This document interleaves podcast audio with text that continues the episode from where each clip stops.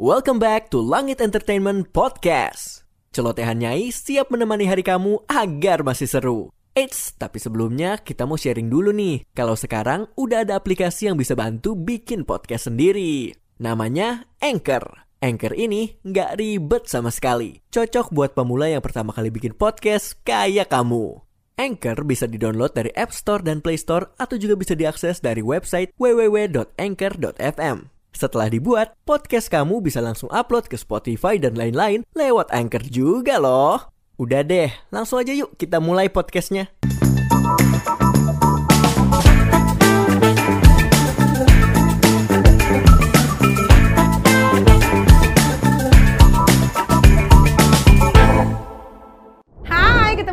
Sama Nikita Mirzani di Celoteh Nyai. Hari ini spesial banget dan eksklusif cuman di Langit Entertainment kita kedatangan Ketua KPI Bapak Agung Suprio Suprio untuk membahas kasus yang lagi viral banget nih Pak. Polri, Mabes, eh, tetangga semua pada ngomongin KPI ya kan. Nih, nah eh, sebelum kita ngomong lebih lanjut ini ada artikel dugaan pelecehan seks pegawai terjadi di tahun 2015. KPI baru tahu kemarin. Nah, jadi kejadian sebenarnya itu seperti apa, Pak? Ya, jadi eh, kejadian persisnya itu adalah 2012 2014 itu bullying. Oke. Bullying itu ya ejek-ejekan lalu kemudian disuruh beli makan sang korban ya itu terjadi dua tahun. Nah di 2015 itu terjadi penelanjangan. Sebetulnya sih nggak ditelanjangi bulat nggak, cuma kalau kita membaca press rilis dari korban itu kan ya difoto lah ininya apa ya saya nggak usah sebutkan ya. difoto dan itu mengakibatkan korban trauma sampai sekarang. Ya kami paham bahwa eh, orang yang mengalami tindakan seperti itu pasti akan mengalami trauma. Trauma dan kemudian dia mungkin juga malu dan takut ya jadi jadi satu dan kemudian ini bisa mengakibatkan beberapa hal yang pertama bisa mengakibatkan dia itu psikisnya terganggu, fisik juga terganggu. Iya, jadi misalnya asam lambung itu terganggu karena pikiran, pikiran rasa trauma. Jadi memang psikis itu sangat berpengaruh terhadap fisik. Yang kedua, takut, ya. Takut umpamanya takut dengan teman-temannya. Terus kalau ngadu ke pihak lain mungkin mungkin yang kalau ngadu ke pihak lain mungkin dia takut dan kedua ini kalau saya lihat memang sistem sosial di Indonesia masih menganggap yang dirudung itu perempuan, tapi pada laki-laki kan juga bisa dirudung. Jadi kalau dia ngadu takut malah dipersepsikan negatif oleh lingkungan sekitar. Nah ini mungkin mengendap di dalam diri korban, makanya kemudian meledak sekarang. Nah sekarang ini meledak, e, artinya dia kirim rilis tadi ke beberapa pihak, lalu kemudian ya ini menjadi pekerjaan rumah buat KPI khususnya buat saya sebagai ketua KPI yang harus kemudian menuntaskan kasus yang lama. Jadi kejadian itu di gedung baru, gedung lama sebetulnya. Lama. Kita sudah pindah ke gedung baru. Nah, kami memang meminta kepada pihak kepolisian untuk membuka kasus ini seterang benderang, setuntas-tuntasnya agar kasus ini bisa uh, bersih, lalu kami bisa menerapkan banyak hal termasuk kemudian uh, menindak pegawai yang memang terbukti bersalah. Hmm, tapi kan ini kan kalau kita lihat dari berita orang-orang pada rancu nih Pak, dipikirnya yeah. kan ini kejadian baru dan Bapak harus bertanggung jawab ya kan? Iya. Yeah. Ternyata kan Pak Agung ini adanya di era 2019. Iya. Yeah. Yang udah jauh banget dari Betul. kejadian uh, perundungan ini. Iya, saya sendiri jadi ketua KPI pada bulan Juli 2019. Nah, pada tahun 2015 itu saya belum ada di KPI. Namun demikian gini ini menjadi tanggung jawab kita.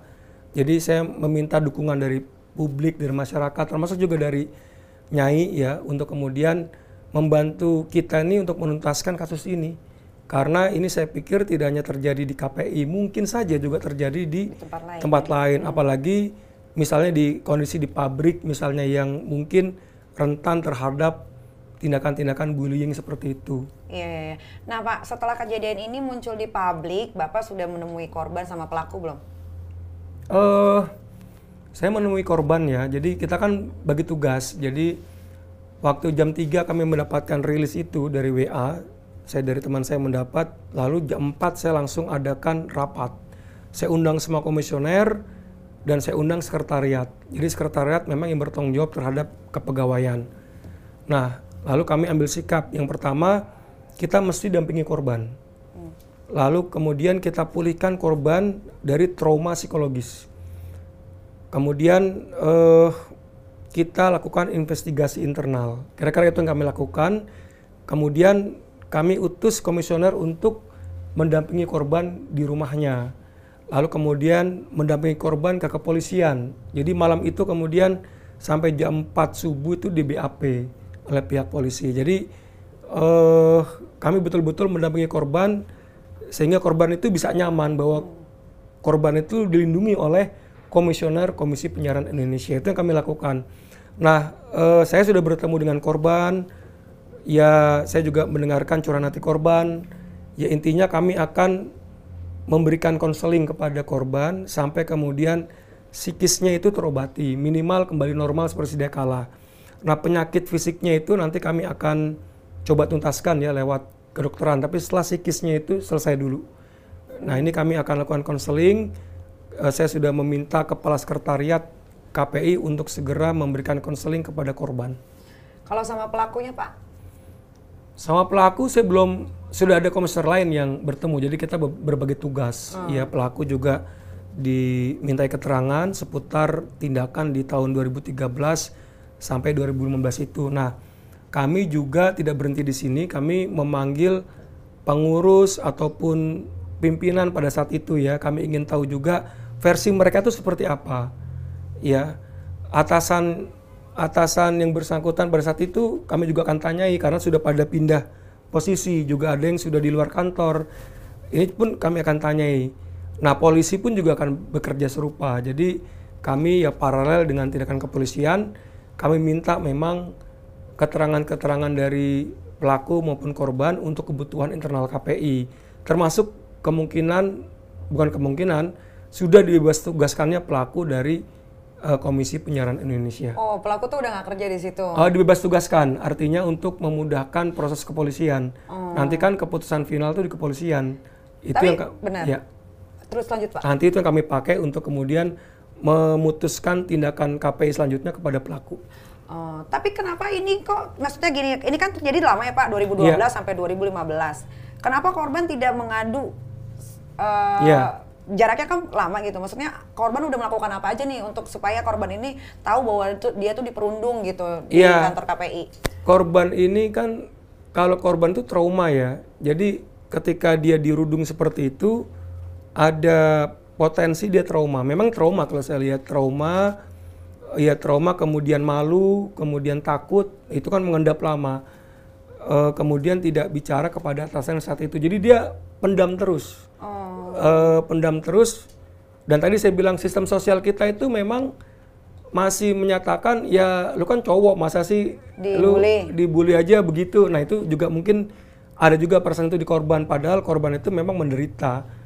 Penasaran gak sih Nyai bikin podcast ini pakai apa? Kita bikin podcast ini pakai Anchor loh. Mulai dari rekaman edit suara tambah lagu pakai platform Anchor ini. It's nggak usah khawatir. Anchor ini gratis tis tis bisa di-download dari App Store dan Play Store atau juga bisa diakses dari website www.anchor.fm. Nah inilah yang kemudian sempat juga mengadu ke atasannya dia. Jadi bukan kami bukan gitu ya, atasan hmm. atasan dia. Cuma memang ketika mau diproses keburu PPKM. Ini yang saya tanya kepada atasannya dia. Kemudian ya ini masih juga kita minta keterangan secara internal. Yang penting begini, uh, korban ini kita pulihkan dulu traumanya itu yang penting. Kalau kemudian proses hukum itu kepolisian. Jadi kami sudah serahkan kepada kepolisian dan kami ya bekerja semestinya dan melindungi korban. Lalu kemudian ya tadi saya sudah meminta kepada kepala sekretariat untuk uh, memberikan konseling hmm. sampai kemudian psikisnya betul-betul normal dan kemudian secara fisik jasmani dia juga sehat. Saya sih begitu aja. Oh, Pak, kalau boleh tahu pelaku perundungan itu ada berapa orang? Kalau dalam rilis 8 orang. 8 orang 8 yang orang. semua bekerja di KPI saat bekerja itu? di KPI. Cuma kan nanti saya nggak berani bicara lebih lanjut karena kan masih dalam proses. Ya artinya mungkin bisa berkurang, bisa bertambah. Nah itu kami serahkan kepada pihak kepolisian itu saja. Tapi waktu dia merundung itu ada saksi-saksi nggak Pak?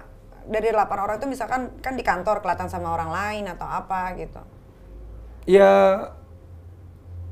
kalau saksi ya mungkin pelaku ya. Makanya ini kami coba tanya ke atasannya. Jadi eh, kami sedang mintain keterangan ya, meminta keterangan kepada banyak pihak seputar kejadian di tahun itu.